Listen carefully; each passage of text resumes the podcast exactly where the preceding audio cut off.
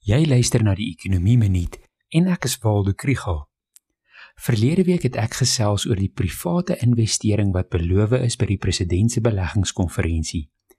Ek het toe gesê dat ons nog nie presies weet hoe die private sektor betrokke gaan raak by infrastruktuurinvestering nie.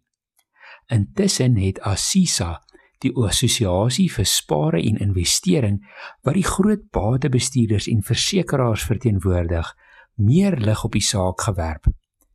Business Day berig dat die bedryf nie opgewonde is oor die moontlikheid om te belê in effekte wat gebruik word om infrastruktuur te finansier nie.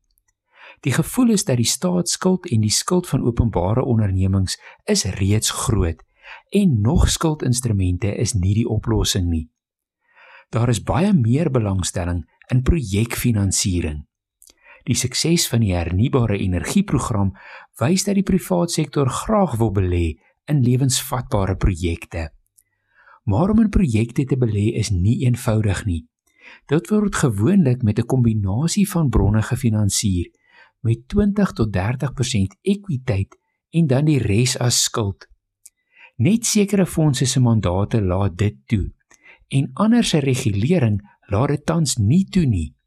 Byvoorbeeld kan effekte trusts nie sonder meer in gelyste projekte se effekte belê nie. En selfs al word dit toegelaat, vereis dit besondere kundigheid. Dit lyk darm of die idee besig is om 'n plan te word. As jy meer van die ekonomie wil leer, volg die ekonomie blok.